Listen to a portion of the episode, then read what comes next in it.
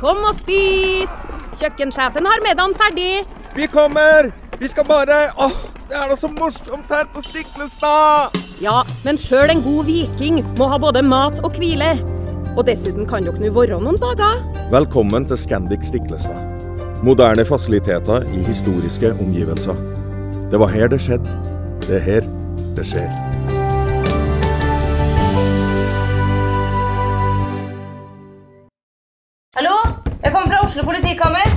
Ine Jansen er purk. Er du purk? The motherfucking bitch. Alt jeg vil, er å finne ut hva som skjedde med mannen min. Jon Carew. Er jeg sikta for noe? Iben Akeli. Det er du. Ole So, Lars Berrum og Big Daddy Karsten. Hvem sin side er du på, egentlig? Anette Hoff, Tone Danielsen, Kommer du fra Afrika? Jørnis Josef, Nesten. Kløfta. Trond Espen Seim, Det er synd å si det, men det var feil mann som døde. Purk. Premiere tirsdag på TV2 Play.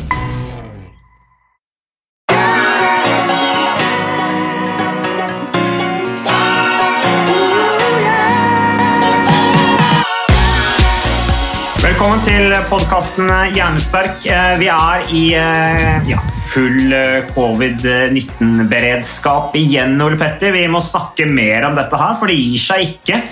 Det er nedstengninger, og det er tiltak på skole, og treningssentrene er fortsatt stengt, og det er polkøer, og i det hele tatt. Men det Jeg trodde det skulle være lys i enden av tunnelen når vi passerte det nye året, men hva er veien ut av dette her, Ole Petter?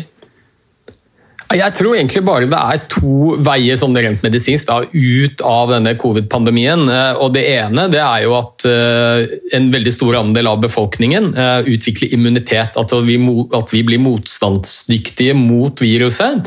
Det er den ene muligheten. Og i den muligheten så er det to forskjellige alternativer. Det ene er jo at en stor andel av befolkningen faktisk blir smittet av viruset og opparbeider seg naturlig immunitet. De har blitt syke.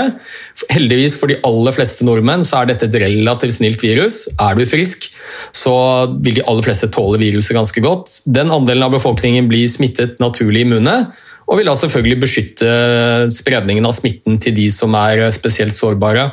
Det er en mulighet som for øvrig Sverige har prøvd seg på en variant av, dette med flokkimmunitet, altså naturlig flokkimmunitet. Og Vi ser hvordan det har gått i Sverige, med veldig veldig høye dødstall, eh, spesielt i den sårbare delen av befolkningen. Den andre muligheten er jo at vi får immunitet via vaksiner. Og Nå har det jo kommet flere vaksiner på markedet, spesielt to da i Norge, som nå er godkjent og allerede tatt i bruk. Og det andre alternativet, hovedalternativet til immunitet, det er jo at dette viruset brenner ut av seg selv. Og, og det tror jeg er ganske risikabelt å gamble på. Det er ikke så mye som tyder på det foreløpig. Så vi, vi er litt igjen med vaksiner. Det tror jeg er den beste veien ut av det. Selvfølgelig med smittevernstiltak underveis, fordi at vaksinen er ikke noe umiddelbar kur. Men på lang sikt så tror jeg det er løsningen. Det tar jo litt tid, dette her, da. Eh, Det tar jo tid å bli, eh, bli vaksinert. Eh, Det går jo ikke akkurat sånn kjempefort, så det, tar, det er tydeligvis vi må belage oss på, på at dette varer lenge. Hva tenker du? Ja, jeg, jeg tror iallfall vi må leve med altså Viruset må vi nok sannsynligvis leve med ganske lenge.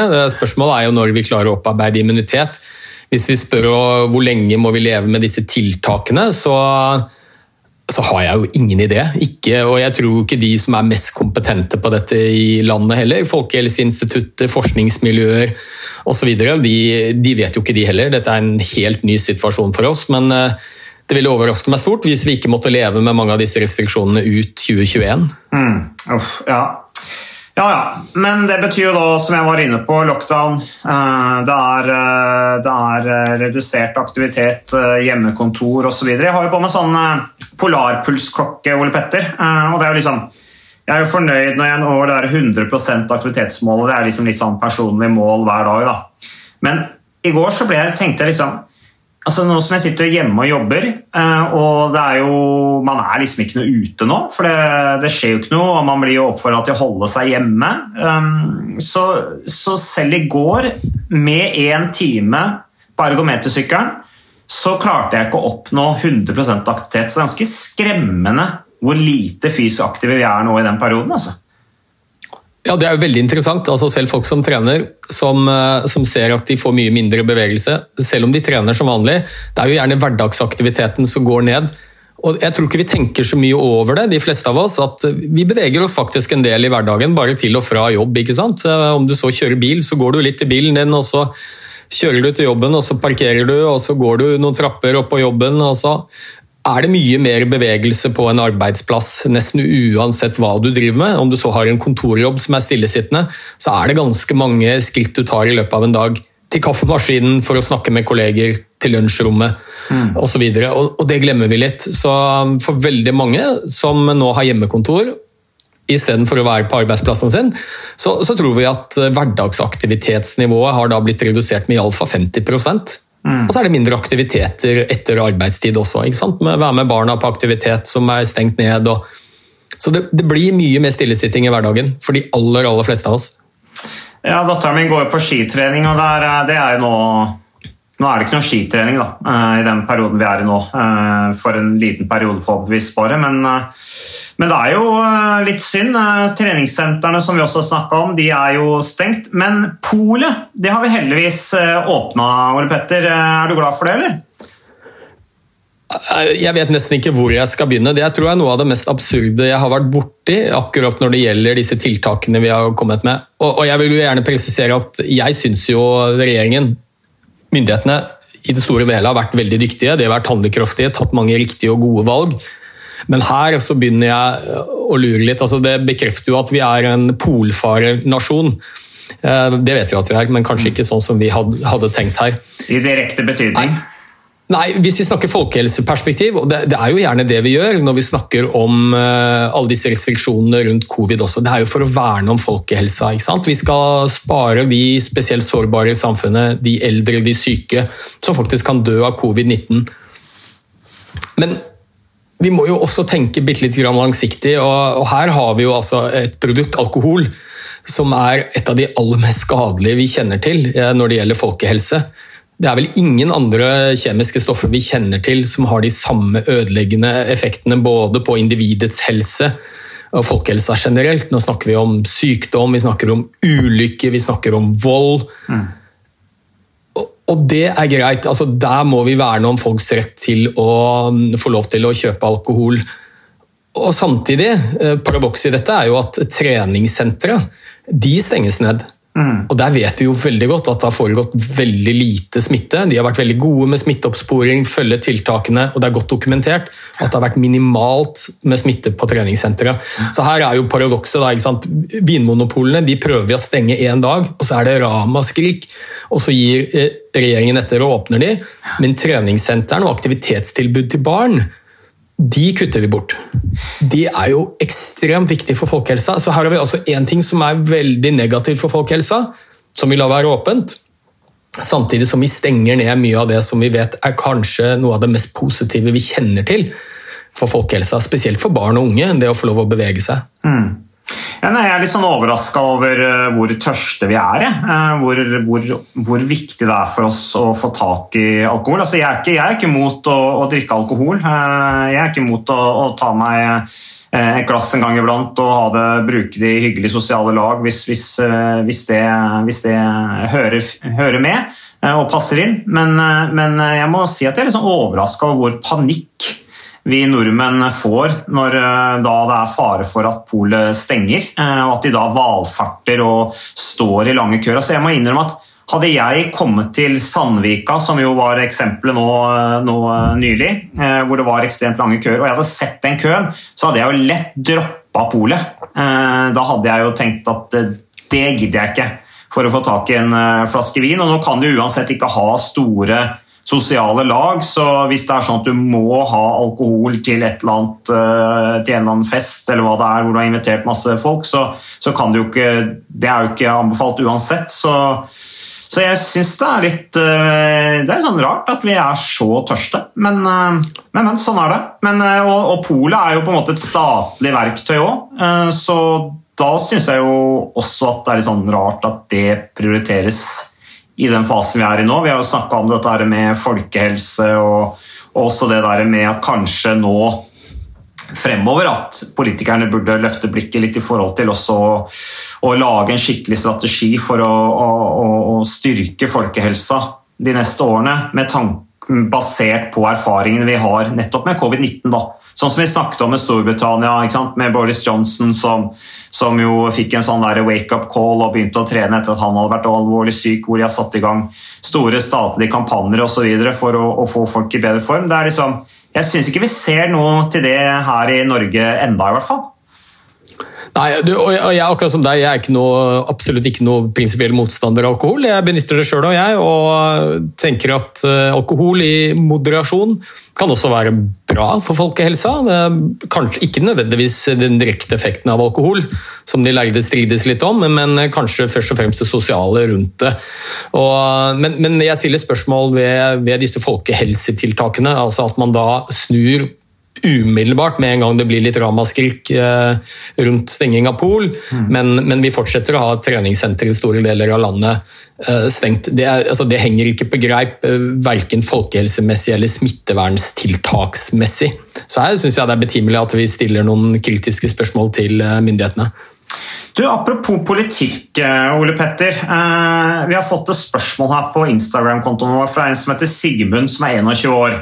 Og Han skriver altså Hei, hører på podkasten deres hver uke. Gode disipler for fysisk helse! utropstegn. Leser en bok fra kroppsøving i videregående skole av Nils Arne Eggen og Arne Sivertsen, som er gitt ut i 1979.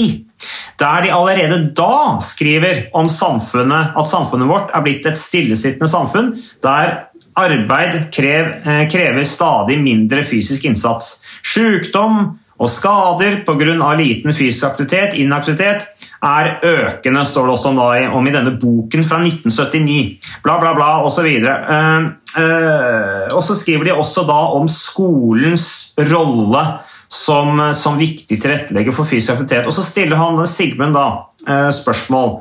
Men mitt spørsmål er hvilket politisk parti er det mest aktive for å skape aktivitet i skolen, eller altså mest aktive hverdagen i skolen.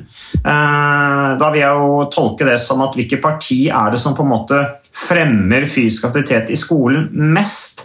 Er det KrF eller Venstre, eller Ole Petter?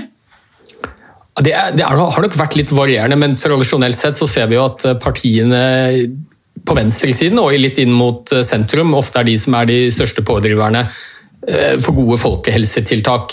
Vi snakker SV, vi snakker Ap, eh, Venstre, Senterpartiet, Kristelig Folkeparti. Det er iallfall det jeg ville svart. Eh, sånn Iallfall for et halvt år siden. Mm. Og så er det jo Jeg har vært litt kritisk til, og det vet dere jo alle sammen som har hørt på podkasten, om regjeringens skroting av dette viktige vedtaket om mer fysisk aktivitet i skolen. Der var jo alle sentrumspartiene, og SV og Arbeiderpartiet var med og støttet det. Og um, nå når de skulle skrote det, så hadde de eh, konservative da, høyresiden fått med seg Kristelig Folkeparti over på sin side.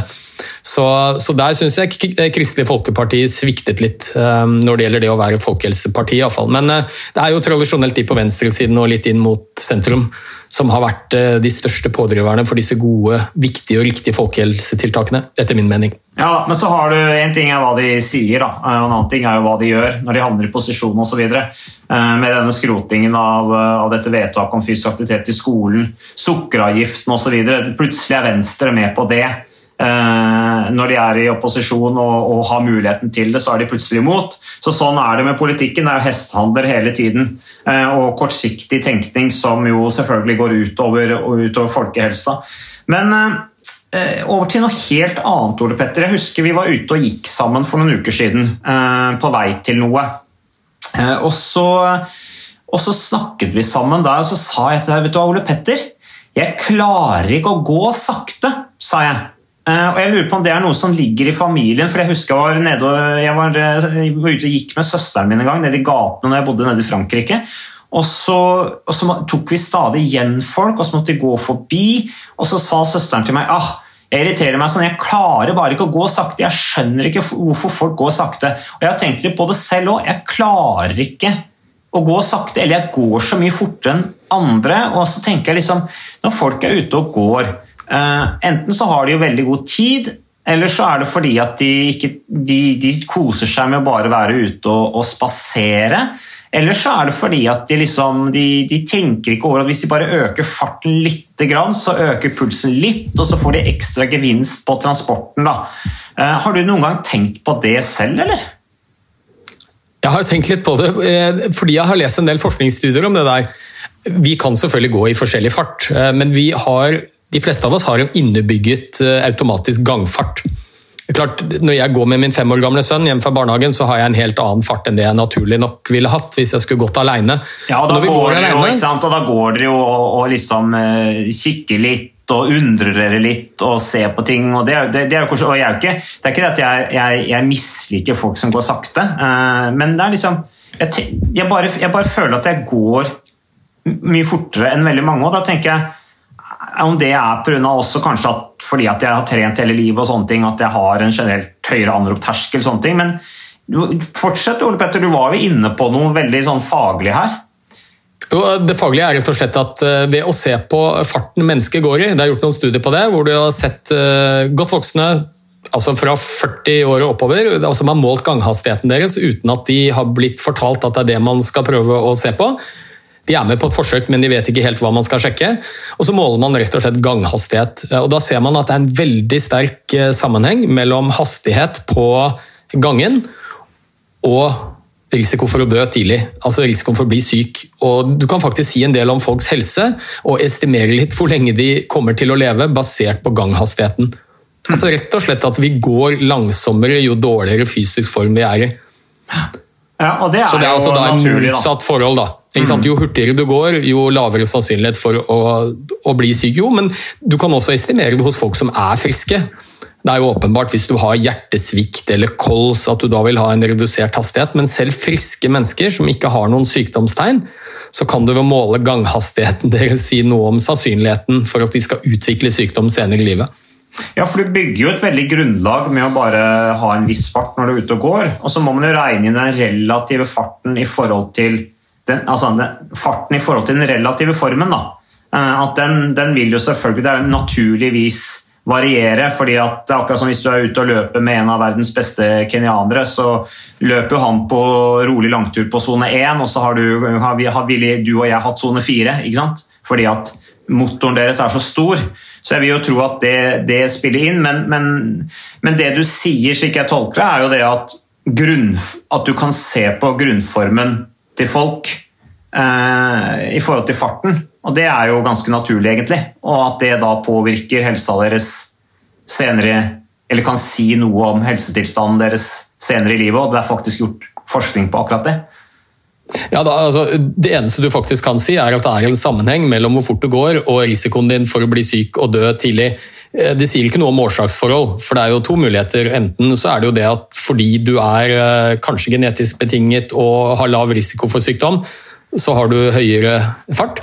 Eh, og så kan det jo være at det at du går fortere er selvfølgelig altså helsebringende. Men, det, men, så du skal være veldig glad for at du har en høy ganghastighet. Det lover bra for livet videre, Mats, med tanke på helse og risiko for å dø tidlig. Ja, Det høres bra ut, men det kan jo kanskje være en liksom oppfordring til noen å gå litt fortere òg, da? Når de først er ute og går? Altså bare øke farten litt? Rann. Ja, da, og Det å gå er en fantastisk eh, aktivitet. Veldig underkommunisert og undervurdert.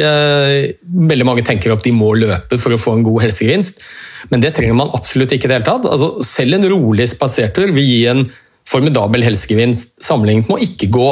Så er det jo sånn da, selvfølgelig, som vi har sagt mange ganger, Går du litt fortere, så får du en enda større helsegevinst. Men det gjelder jo å finne noe som eh, de fleste kan klare å få til. da. Og jeg tror det er mye lettere å hjelpe og veilede og motivere noen til å gå ut og gå en tur, enn det er å motivere dem til å gå ut og løpe en tur. Men starter du med å gå, så blir formen bedre også, så kanskje kan man eh, ende opp med å løpe etter hvert, hvis man har et ønske om det. Det kan være. Jeg la forresten ut et bilde Ole Petter, på eh, den Instagram-profilen vår, eh, podkast Hjernesterk-profilen, av nettopp en skann av hodet før og etter en 20 minutters gåtur. Og Da var det en del sånne kommentarer, eller noen kommentarer på at liksom, å, av bare 20 minutter gåtur liksom, så skjer det så mye oppi hodet. Eh, og Det er ganske fascinerende. Men du, litt tilbake til alkohol, uh, Ole Petter. Eh, jeg, vi har fått enda, For å ta litt lyttespørsmål, det er litt gøy å gå gjennom de, syns jeg. Eh, har vi fått en her. Takk for flott podkast. Dere har virkelig hjulpet meg til, til en bedre hverdag og bli en bedre syklist. det er litt artig. Eh, jeg kunne, tenkt, jeg kunne tenke meg deres synspunkter på kosthold, trening, sosiale lag med venner. Da ofte med god mat og drikke. Balanse på trening, mat og inntak av moderate mengder med alkohol. Føler ofte at fremgang innenfor trening ofte går utover sosiale lag med familie og venner. Man må spise riktig, sove riktig og antall timer osv. Føler at jeg svikter treningen og fremgang når jeg er sosial, og da ofte eh, er oppe litt sent. Føler jeg også svikter det sosiale når jeg ofrer alt for trening. Så her er det dilemmaer, altså. Og så skriver han videre her Er det strengt forbudt med sosiale lag én gang i måneden? Og er det strengt forbudt å ta et glass vin i helgene med min samboer mens vi ser en serie eller spiller spill? Man må avse alt av kos for å få fremgang innenfor trening, og spesielt sykling, som jeg driver med? spørsmålstegn. Eh, føler av og til eh, blant eh, ryttere, altså blant syklister, at dette er et tabu, altså å trene, altså kose seg. Da. Være oppe i sosiale lag og drikke alkohol. Jeg kan jo egentlig altså, her vil jeg jo si, at, uh, si et klart nei. Det påvirker ikke treninga di negativt å kose deg én gang i måneden med, med, litt godt å drikke og sosialt lag, selv om du er sent oppe. Snarere tvert imot, så tror jeg folk har godt av det. Uh, og her, uh, Jeg regner jo med at vedkommende her ikke skal vinne Tour de France, så det står ikke så mye på spill men du har godt av å slippe opp litt, særlig for det mentale. Så tenker jeg det der å ha litt dårlig samvittighet da, eh, dagen etter, og du trenger ikke å ha dårlig samvittighet engang, men det gjør kanskje bare at du, at du får litt, eh, litt, ekstra energi til å fortsette den gode given. Det er i hvert fall det jeg tenker. Jeg vet ikke hva du tenker, Ole Petter? Jo, Mitt første spørsmål her var er det Alexander Kristoff som har stilt dette spørsmålet. Han har mye mer avslappa forhold til det enn det vedkommende som har stilt et spørsmål her på, på Instagram vår. altså. Ja, for jeg tenker nå at eh, Et spørsmål det ville vært, det er jo liksom hva er målet med syklinga di? Er det å ha det gøy? Er det livskvalitet? Er det helse? Eller er det reindykka reindyrka prestasjon, at du skal uh, bli proffsyklist, være med i Tour de France, sånn som du har vært, Mats. Men, men, jeg tenker nesten uansett hva svaret på det er, så ville jeg svart akkurat som deg. Nei, det er ikke noe motsetning mellom det å være i et lystig lag, drikke litt vin, være ute med venner, kanskje sove litt for lite, ikke alltid spise sunt. Jeg tror uansett hvem du er, altså. Og nå snakker vi om Ingebretsen-brødrene, jeg har sett dokumentar om Martin Johnsen Sundby. Altså selv disse verdenstoppene. Mange av de lever mye mindre asketisk enn det vi kanskje tror.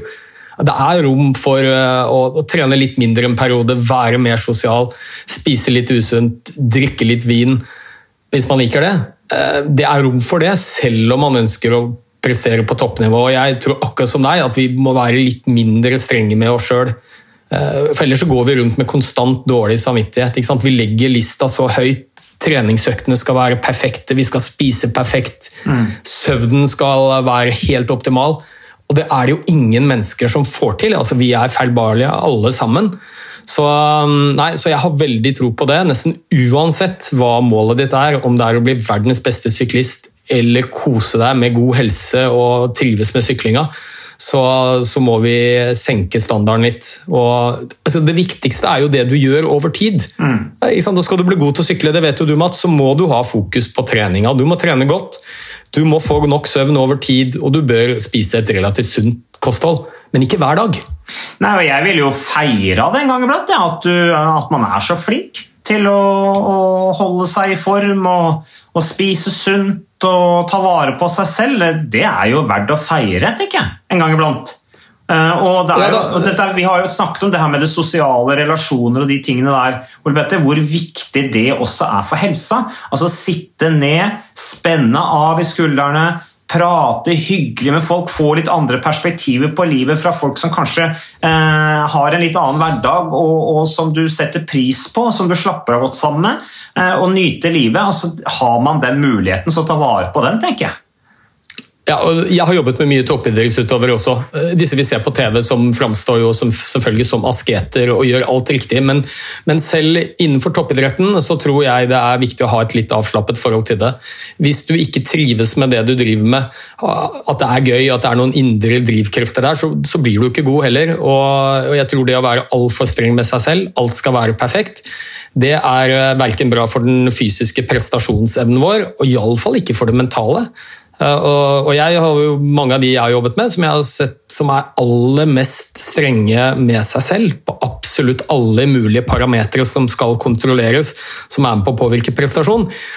De får ikke noe veldig godt naturlig forhold til den idretten de driver med, og det er mange som begynner å utvikle altså risiko for å utvikle litt sånn tvangspreg. Mm. og altså Rett og slett at det går utover den mentale helsa også. At man blir utbrent, overtrent.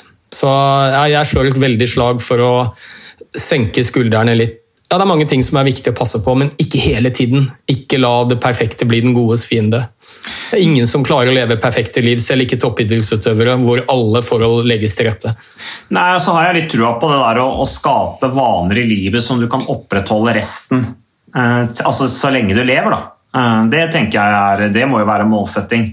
Eh, og så er det jo perioder du har mer tid og lyst og energi og mulighet til å, å trene, og du syns det er gøy, og det er kanskje gitt deg en ekstra målsetting i livet å ta vare på det. Eh, men jeg tror det er veldig lurt å kombinere med litt andre ting også, ikke minst med, av hensyn til uh, familie og, og, din kjære, som, som, også er der for deg og, og kanskje har, har, hjulpet deg i gang med treninga og, og holder deg i gang med treninga. Altså, det er jo noe med å, å å skape litt eh, arena i, i idretten, i toppidretten. Snakket, du snakker jo, nevner toppidrettsutøver, Ole Petter. og I toppidretten så er det jo en modell som heter arenamodellen. Som er ganske betydelig modell på, oppe på, på toppidrettssenteret, utvikla bl.a. Olympiatoppen. Og Den handler jo nettopp om, om at hvis du skal ta idretten din seriøs, og hvis du skal lykkes og ha suksess, så må du også ha ulike arenaer som du fokuserer på i livet, ikke bare idretten. Eh, og det, det, tror jeg også kan være viktig for eh, ivrige mosjonister.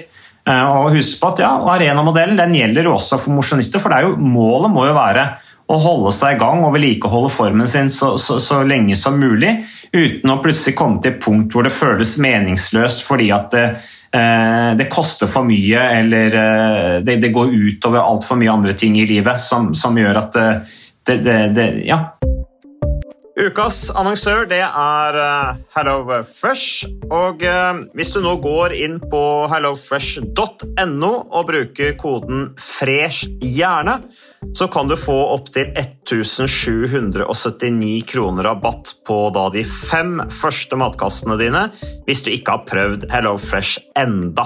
Og Ole Petter, vi er jo glad i Hello Fresh i podkasten Jernsterk, selvfølgelig fordi at de er en annonsør. De er med og bidrar til å spre det glade ordet om fysisk aktivitet og god helse, men i tillegg så har jo vi også nå lang erfaring med Hello Fresh eh, selv. Så vi må jo si at det har vært gode erfaringer til nå. Ja, absolutt. Visste du Mats, at HelloFresh er faktisk verdens ledende matkasseleverandør? og Tilbudene til HelloFresh gjør det enkelt å lage gode og varierte retter som skaper matglede. Og matglede vet du, det er like viktig som hva du putter i munnen. Det å spise mat med folk du trives med. Så gjennom 25 nye og inspirerende retter hver uke så bidrar HelloFresh til dette. Du kan bestille ekstra porsjoner om du får gjester, eller hoppe over uke hvis du f.eks. skal bort. Mm. Og Det er ingen bindingstid, og du velger leveringstidspunkt og dag selv, så leverer Hello Fresh matkassen din akkurat når det passer deg. Ikke dårlig, Mats. Nei, det er veldig bra. Så, eh, og dette er med enklere hverdag, det kan jeg nå skrive under på. For nå, forrige erfaring vi hadde forrige uke, Ole Petter, det syns jeg var Det var jo et gjennombrudd eh, for familien Kaggestad. For da lagde rett og slett barna de lagde middag og serverte middagen, så den var ferdig laget og servert da når eh, min kone Marita og meg kom hjem fra jobb. Og jeg mener Det var jo bare helt utrolig. Eh, Det var helt fantastisk. Det ble en nydelig middag. Riktignok de, de, de, de roter og søler litt, det gjør de. Så, men, men maten ble veldig god. De var veldig stolte over å kunne ha både laget og servert maten, så det var helt fantastisk. Så vi har jo da i det siste så har vi eh, spist eh, bl.a. sitron- og dillstekt hyse med ovnsbakte grønnsaker og aioli. Eh, Vi har spist middelhavsinspirert kylling. Taco, så finnes det mange ulike typer taco. F.eks. vietnamesisk taco, som vi har spist. Thailandsk vegetargryte. Veldig riktig og sunt eh, i dagens eh, samfunn med, med fokus på bærekraft. Hvitløk og chilistekte reker i spagetti, det var definitivt en vinner. Så det er så flott. Du får rimelig mat ved at du kun betaler for det du trenger, så det blir ordentlig feststemning med Hello Fresh. Det gjør det, og nå er det bare for deg å gå inn på hellofresh.no og bruk koden FRESH gjerne. Da får du opptil 1779 kroner rabatt på de første fem matkassene dine, hvis du ikke allerede har prøvd HelloFresh. Du kan også bruke rabattkoden hvis du har stoppet abonnementet ditt for tolv måneder siden eller mer. Er det noe å lure på? Håper maten smaker godt. Bon appétit! Det, det mister litt meningen, rett og slett. da. Ja, og det tenker Jeg jeg har sett i hvert fall veldig mange um, toppidrettsutøvere som er uh, så ensidig uh, fokus på prestasjon og er så strenge med seg selv på så mange områder i livet. De putter liksom alle, alle eggene i samme kurv. Uh, Det er prestasjon og idretten som betyr noe, og- og så neglisjerer man da en del andre ting i livet. Hva skjer den dagen du ikke er toppidrettsutøver lenger? Jo, de aller fleste er jo ferdig med toppidretten når de er noen og 30 år, kanskje. Eh, Hva, hvordan skal livet, resten av livet være da? Og Der tenker jeg du er et veldig godt eksempel. Eh, En som har vært i verdenseliten i sykling og vært med i Tour de France. Og, og selvfølgelig helt sikkert mange elementer ved toppidretten som har vært vanskelig i sykkel, med vektpress og mye struktur, og det er beinhardt. Men du har jo, sånn som jeg opplever det, i hvert fall hele tiden hatt en glede ved det å være i fysisk aktivitet. Og jeg ser hvor viktig det har vært for deg nå, når du er ferdig som toppidrettsutøver. At eh, bevegelse og aktiviteten er viktig for deg. Nå er det bare et litt annet fokus. Nå er det ikke prestasjon, nå er det helse og velvære og livskvalitet. Ja, og jeg, Og ja, og jeg og kona vi liker jo å invitere venner hjem og, og feire at vi liksom ja, feirer litt inn- inn- innimellom. Eh, Men det er klart at vi også Nå har vi passert 40, og vi også verdsetter jo å ha litt overskudd på søndag morgen, f.eks. At du istedenfor å, å, å legge deg klokken eh, Altså dra den ut i de virkelig sene nattetimer, kanskje liksom gi seg sånn når man har hatt det hyggelig, da, og så gi seg i tide. og så Istedenfor å knerte den der og åpne enda en flaske, liksom, eh, så går det an å ja, bare liksom gi seg mens leken er god, da. Eh, Og dermed også kanskje ta vare på og få en fin søndag med barna i tillegg. Eh, Det, det, det, det merker jo både jeg og kona, det vi også snakka om, liksom det der at vi, det er noe med å ha litt overskudd når vi har muligheten til å, å kose oss også, som jo en søndag er hvor man kan være ute i aktivitet, og man skal gi litt av seg selv til barna, eh, fordi at det er dyrebart, dyrebare opplevelser med, med, med familie osv. Så, men du nevnte det med, med, med meg som eksempel. Altså jeg jo, hadde jeg kunnet sta, starte karriera, sykkelkarriera på nytt som proff, eh, så hadde jeg jo levd enda mer balansert enn det jeg faktisk gjorde. For, for jeg også har vært åpen om det der at jeg til slutt brant meg helt ut fordi at jeg ble for ekstrem med kosthold og søvn og treningsdoser, eh, og at alt skulle liksom gjøres så innmari ekstremt, fordi at jeg trodde, altså jeg måtte jo gjøre noen tak, tenkte jeg. Jeg måtte jo ta og, og, og virkelig satse for å skulle tette gapet opp til de beste rytterne. Og det ble til slutt for mye. Eh, Og da blir du tvangsprega, og så blir du til slutt spist opp av detaljene, f.eks. dette med, med fokus på vekt. Eh, og, så, og så slutter du å prestere, eller fremgangen stopper opp. Så det er lurt å ha balanse også for å skape fremgang. Og så må vi huske på det med fremgang kommer over lang tid. Nå vet ikke jeg hvor mye vedkommende som vi også vil takke for åpenheten og sende inn spørsmålet. Kjempeflott at du gjør det, og ikke minst høre på podkasten. Men jeg vet jo ikke hvor lenge vedkommende har trent, f.eks. Eh, og hvis vedkommende har trent nå en liten stund og blitt veldig bitt av bastillen, så må det jo være litt tålmodig. Det tar litt tid å bygge grunnform, det tar litt tid, formen går litt opp og ned. Eh, men, men, eh, men du må jo tenke litt langsiktig, og da er det også lurt å ha balanse med at man også tar litt vare på andre arenaer i, i livet, sånn som jeg var inne på. Så, så det var et veldig bra spørsmål, syns jeg. Så nå, det har vært en veldig sånn allsidig podkast, dette her nå, Ole Petter. En allsidig episode av podkasten Jernsterk. Ja, skal vi, skulle vi, snakke litt om vaksiner, eller, som vi startet med? Ja, si litt mer om det. Ja, jeg har litt lyst til å si det, jeg får veldig mye spørsmål om det. Nå er det jo kommet eh, vaksiner, og de har jo blitt litt sånn hauset opp. Så dette skal være redningen vår. Nå får vi vaksiner. Vi skal prøve å vaksinere befolkningen så raskt som mulig. Og forhåpentligvis så vil det være kanskje den beste veien ut av denne pandemien. Og så vet vi at det er rundt 70% av befolkningen som er veldig positive til denne vaksinen. Det betyr at det er rundt 30% som er litt skeptiske. Og det er jo mange årsaker til at eh, noen er skeptiske mot vaksiner. Jeg mener jo basert på alt det vi vet om vaksiner, historien til vaksiner og all den kunnskapen vi har om hvordan det virker, skulle ikke tilsi at man burde være så veldig skeptisk til en vaksine. Men jeg har likevel forståelse for at folk er det. Så jeg får mye spørsmål om hva er det med denne vaksinen. Um, kan du, kan du fortelle oss litt om den? Fordi jeg er litt skeptisk, og jeg trenger å vite litt mer om den. Og Det som er litt unikt med denne vaksinen, som er kommet, den finnes jo da i dag laget av et selskap som heter Moderna. Og et annet selskap, eller kombinasjon av to selskaper som heter Pfizer og Biontech. Det finnes to vaksiner som er kommet og godkjent i Norge i dag.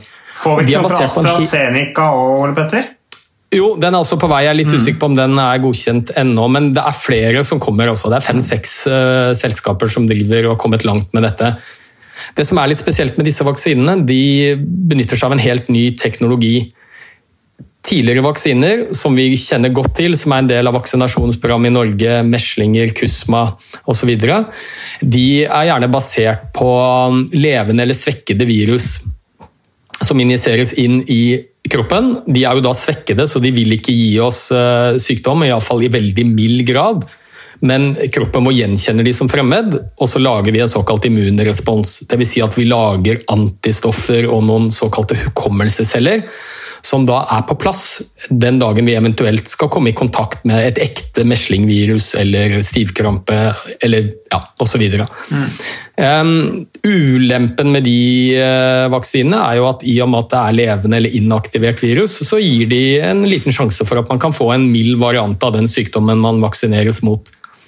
For så ser vi at Pasienter som får influensavaksine, kan få en litt sånn mild influensalignende sykdom, som ikke er farlig, men kan være litt ubehagelig i noen dager. Mm. Den nye teknologien baserer seg på noe som heter mRNA.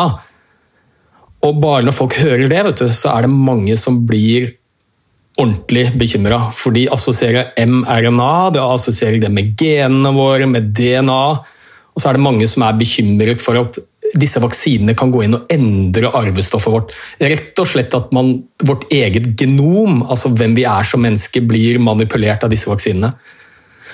Og Det er det absolutt ingen grunn til å bekymre seg for, for det er faktisk ikke mulig. Så jeg tenkte jeg skulle si litt om disse mRNA-vaksinene. mRNA det er et budbringermolekyl. På godt norsk så er det en oppskrift til hvordan et bestemt protein skal lages. Og DNA, som er arvestoffet vårt, det er jo kokeboken for absolutt alle de proteinene som vi lager som mennesker. Som i stor grad styrer både hvordan vi er bygget opp og hvordan vi fungerer. F.eks. vil de aller fleste signalstoffene vi bruker i hjernen for hjernens kommunikasjon, det er proteiner. Eh, muskelfibre er proteiner osv. Så, så i DNA så ligger oppskriften til hvordan alle proteinene skal lages. Men så skal jo disse proteinene de skal lages ute i det vi kaller cytosol, altså ute i hulrommet i cellen. Mens oppskriften sitter inne i cellekjernen. Mm. Så på et eller annet vis så må vi få informasjonen fra DNA. Selve oppskriften den må flyttes ut til kjøkkenet, der hvor proteinene lages. Eh, Og da lager vi en kopi. Vi lager en blåkopi av oppskriften på et bestemt protein. Og den eh, oppskriften den sitter på det vi kaller et gen. Så mRNA det er rett og slett bare kopi av en side i kokeboken. Kopi av oppskriften på hvordan et bestemt protein skal lages.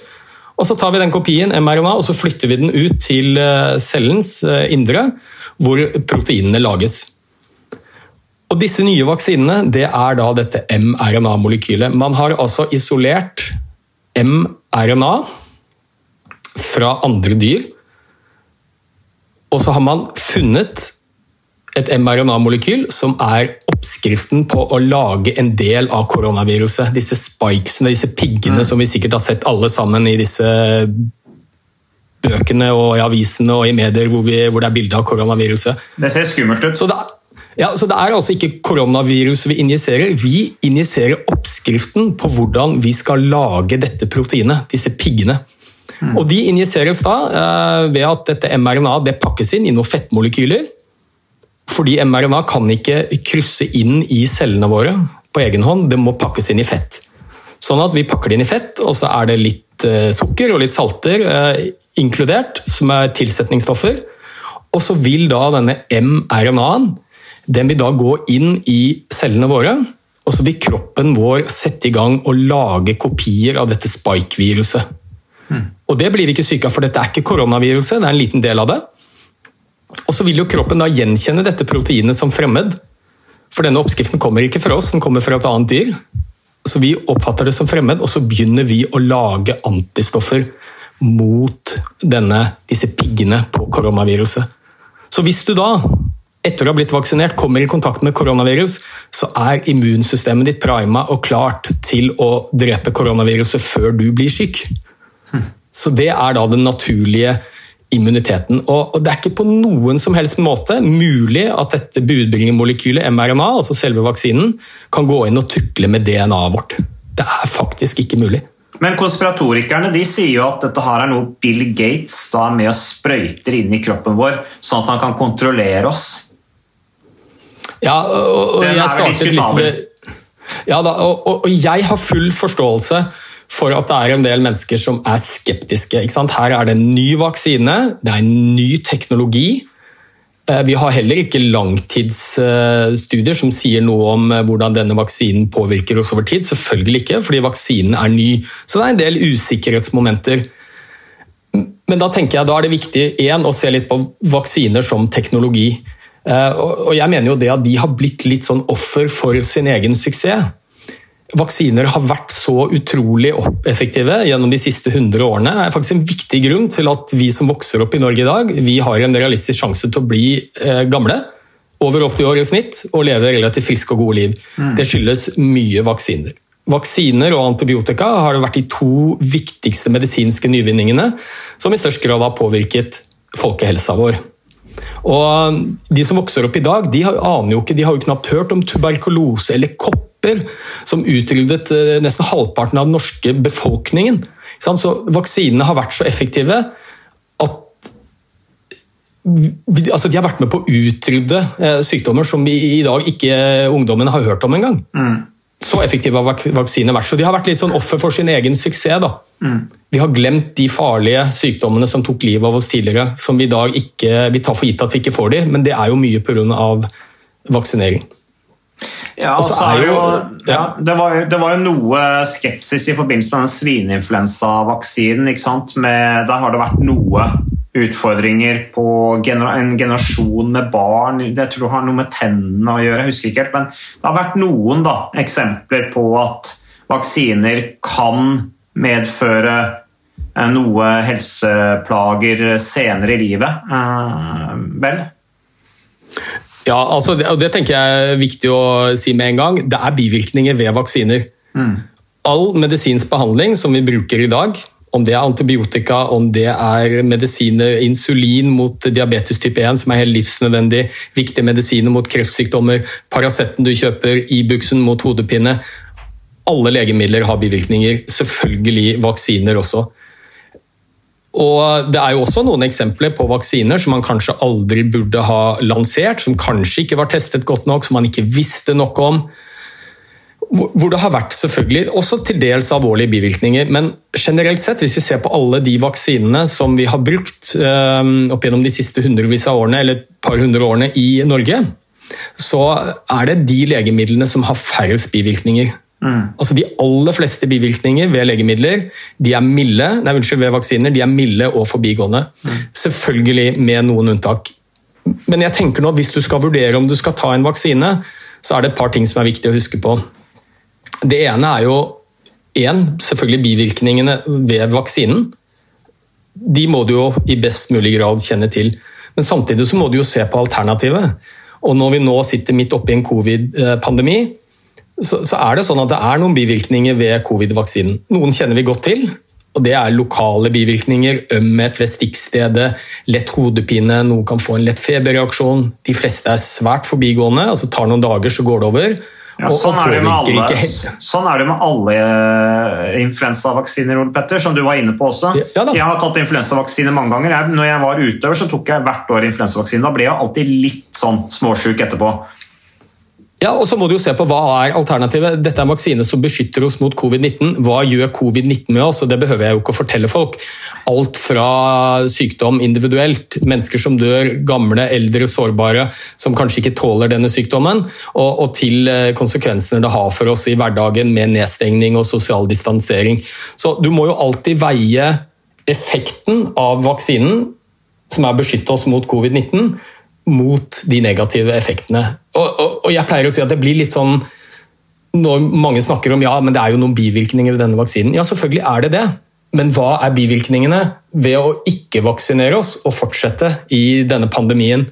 Det blir litt som å Jeg hadde nevnt det tidligere også, snakke om airbager. De har vi i bilen vår fordi de skal beskytte oss, og de redder tusenvis av menneskeliv på verdensbasis hvert eneste år. airbager. Det er veldig godt dokumentert. Men det er noen få mennesker som dør av en airbag også. Kanskje spesielt barn da, som sitter i forsetet og så utløser airbagen, og så kan det faktisk kvele og ta livet av barna. Det er noen ytterst få tilfeller. Skal vi slå av alle airbagene? Vi vet at det redder mange flere menneskeliv enn det det tar. Og det er jo en sånn tenkning der vi må se på bivirkningene versus effekten av vaksinen. Ja, det er som du sier, at du får bivirkninger fra stort sett alle legemidler har en av bivirkning. Ja, og, og jeg har ikke noe problemer med å skjønne at mange mm, kan være skeptiske til nye vaksiner. Det har jeg full forståelse for. Spesielt denne vaksinen her, den er eh, lansert i, i, i en fei. Mange får inntrykk av at den kanskje har, eh, det har tatt noen snarveier. Har den blitt testet godt nok? Da vet vi at eh, disse vaksinene er, det er veldig strenge retningslinjer når vaksiner skal godkjennes. Og disse her er akkurat like gjennomprøvd i forkant av vaksinering som alle de andre vaksinene som vi bruker i vaksinasjonsprogrammet vårt, f.eks. En av grunnene til at det har gått så fort nå, det er ikke fordi man har tatt noen snarveier rent medisinsk eller vitenskapelig, men heller det at det er veldig mange land som har samarbeidet, og det er veldig mye byråkrati som er gått bort. Rett og slett for myndighetene har vært handlekraftige, fjernet mye unødvendig byråkrati for å få de godkjent, altså mer sånne formelle prosesser, som gjør at det har gått mye fortere. Og så tror jeg det er viktig å huske en annen ting også. Når jeg snakker med de som er litt skeptiske til vaksiner, så er de selvfølgelig bekymret for hva denne vaksinen kan gjøre med dem. De er bekymret for å bli syke av vaksinen, de er litt usikre på langtidseffektene av vaksinen på sin egen helse. Det er fullt forståelig. Men da tror jeg det er kanskje verdt å minne om vi tar ikke vaksine primært for vår egen del. Nei. Det er, to, eller det er tre viktige grunner til at vi bruker vaksiner. Det ene er selvfølgelig for vår egen individuelle helse. At vi tar vaksiner for at vi skal unngå å bli syke selv av den sykdommen vi vaksineres mot. Men de aller fleste av oss ville tålt en covid-infeksjon. Jeg vaksineres eh, hvert eneste år som fastlege mot influensa. Ikke fordi jeg, som en relativt sprek 50-åring, jeg ville tålt en influensainfeksjon ganske godt. Men jeg jobber med 90 år gamle pasienter som er skrøpelige, som jeg besøker hjemme. Og jeg vil jo da ikke smitte dem, for de tåler kanskje ikke en influensainfeksjon. Sånn at vi vaksinerer oss ikke bare for vår egen del, men kanskje først og fremst for å beskytte de som er sårbare og som ikke kan, eller som ikke tåler å bli syke av denne sykdommen. Et veldig godt eksempel er jo vaksinen mot røde hunder, som vi vaksinerer oss mot alle sammen i, eh, i skolen. Barn tåler røde hunder helt fint, men gravide må ikke bli smittet med røde hunder. Da er det stor sjanse for at fosteret blir abortert eller fødes med store skader. Så vi vaksinerer oss altså vel så mye for å beskytte andre rundt oss som er eh, syke, eldre, og som av forskjellige årsaker kanskje ikke tåler en sånn sykdom. Og Den tredje grunnen til å vaksinere oss, og som kanskje er den aller viktigste i et folkehelseperspektiv, det er jo for å utrydde sykdommer. Tenk på kopper, da, som tok titalls, hundretalls millioner av menneskeliv på verdensbasis. Vi fikk jo en vaksine mot den på begynnelsen av 1800-tallet. og Det har jo vært med på å utrydde hele sykdommen. Den finnes ikke lenger.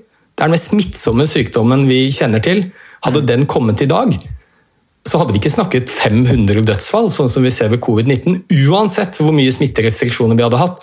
Vi hadde snakket om dødsfall eh, i millionklassen. Mm. Så vi, vi, vaksinerer oss faktisk for å prøve å utrydde sykdommer. Få de til å bli borte fra jordas overflate. Og det har vi klart med en del sykdommer. Og så er det en del sykdommer vi trodde nesten var borte, meslinger f.eks. Eh, tuberkulose Nei, unnskyld, polio, mener jeg men som vi nå ser er litt på oppbluss igjen. Eh, mye fordi at det er en, en andel av befolkningen som er skeptiske til vaksiner og velger å ikke vaksinere seg. Så da kan vi få oppbluss av disse sykdommene.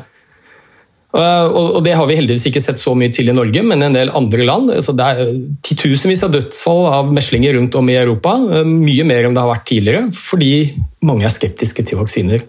Og, og Det er ikke uten grunn at Verdens helseorganisasjon har sagt det at vaksineskepsis det er en av de ti største globale folkehelsetruslene på verdensbasis. Gjør like mye negativt for folkehelsa som antibiotikaresistens og global oppvarming. De nevnes i samme åndedrag. Så jeg er jo en, har full forståelse at mange er skeptiske til vaksiner. Derfor tror jeg det er viktig med god og saklig og vitenskapelig fundert informasjon, sånn at man i større grad er i stand til å ta gode valg selv, da. For dette er jo ikke noe tvang, man skal velge selv, men mm. da bør man sitte med mest mulig informasjon om vaksinene. Både de positive og de negative effektene ved vaksiner. Og nå blir det en veldig lang monolog, men du, du nevnte jo dette med en microchip som var implantert av Bill Gates i vaksinen. Og, jo, ja, for å ta kontroll på oss mennesker. Det er, konspirator, det, det er konspiratorikerne. Vi kan, vi kan jo le litt av dette, for det er det høres jo veldig absurd ut og litt uh, humoristisk, men det er uh, en, det er en herlig, relativt... herlig teori, da. Jo, men det er ganske mange som tror på den. og, og og, det, ja, så Tanken her er da at Bill Gates, blant annet, som har vært med å støtte mye av vaksineutvikling pengemessig, de har da en microchip som går inn i kroppen din via vaksinen, og så kan man overvåkes via dette 5G-nettet, som veldig mange er negative til også. Og der kommer jeg litt til kort, eh, for der klarer ikke jeg med noe som helst faglig Nei, du klarer ikke å forsvare den teorien. ta fra, nei, altså det blir såpass absurd. Eh, du trenger ikke å forsvare den teorien. Nei, for å kalle en spade spade, det er jo en konspirasjonsteori. Men mm. jeg tror litt av utfordringen i dag, sånn samfunnsmessig, det er jo at vi skulle jo tro at i dagens kunnskapssamfunn så i dag så sitter vi med mer tilgjengelig informasjon om vaksiner og andre helsevalg vi skal ta, mer enn noensinne. Det er bare tastetrykk unna, så kan du få god, saklig, godt vitenskapelig fundert informasjon. Men det finnes mye informasjon også som eh, nok i mye større grad sprer frykt og uro enn kunnskap. Eh, og Der tror jeg sosiale medier er veldig med på, og internett egentlig, er med på å lage en sånn polarisering i befolkningen. Det er noen som er veldig pro vaksiner, og så er det noen, en mindre del riktignok, som er veldig skeptiske til vaksiner. Og det er jo litt interessant, Når du går inn på internett og søker opp informasjon, så lager jo maskinen din en egen profil for deg. Altså Hvilke sider er du vanligvis inne på? Det gjelder shopping, men det gjelder også kunnskap du henter om medisinske ting på mm. nettet. Har du vært inne og googla noe joggesko på XXL, så kan du være ganske sikker på at dagen etterpå så kommer det en målrettet reklame i Facebook-feeden din på joggesko fra XXL. Mm. Så maskinen din vet hva du er interessert i og hva du søker på. Og, og hvis du oppsøker sider som f.eks. er veldig eh, negative til vaksiner, så vil jo computeren din registrere det. og i feeden din i sosiale medier, så vil du da stort sett bli servert informasjon fra akkurat de samme kildene som du har vært inne og lest fra. Altså, det forsterker bare din egen oppfatning av situasjonen. Det er jo det vi kaller et ekkokammer. Du hører bare de argumentene som du er interessert i, og som likesinnede som deg bruker. Og det gjelder jo begge sidene. Så det, det skaper en sånn veldig polarisering rundt dette. og Jeg gjorde bare et lite eksperiment med dette med en kamerat som er veldig skeptisk til eh, vaksiner. Som du kanskje skjønt, så er ikke jeg det. Vi brukte hver vår datamaskin, han sin, jeg min, og så googla vi 'vaksiner covid-19' på Google. Og vi får jo opp to vidt forskjellige ting. Jeg får opp informasjon fra Folkehelseinstituttet, Verdens helseorganisasjon, mange av de kildene jeg bruker når jeg skal eh, lære mer om eh, vaksiner, mens han fikk opp helt andre sider.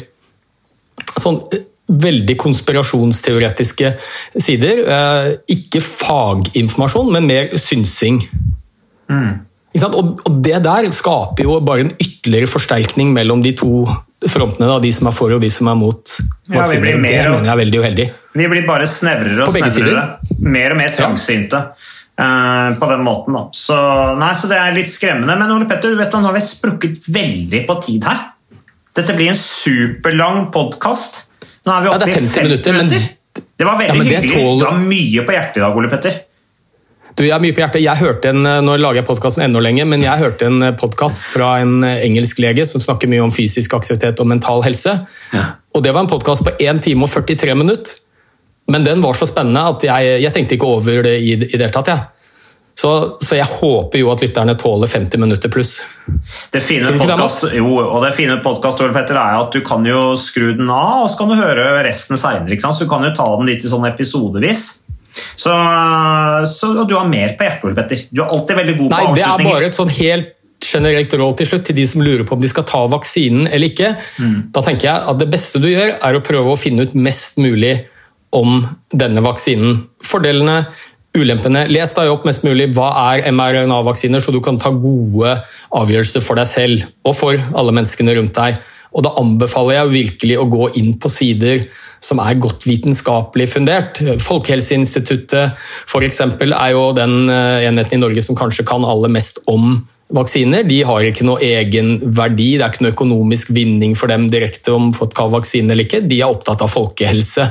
Så, så les deg opp på vaksinen, og det er helt naturlig å være litt skeptisk. Og, ja, og prøve å finne ut mest mulig om den før du tar en avgjørelse. Så håper jeg jo selvfølgelig at flest mulig tar denne vaksinen. Jeg skal få stille meg i køen med en gang jeg får mulighet, for jeg tror dette er en av de eh, beste måtene vi kan komme oss helskinnet og raskt ut av pandemien på. Og eh, kom dere ut, gå en tur, jogg dere en tur, og eh, ta vare på dere selv, og ta vare på folka rundt dere. Og så er vi tilbake med mer podkast neste uke. Takk for oss.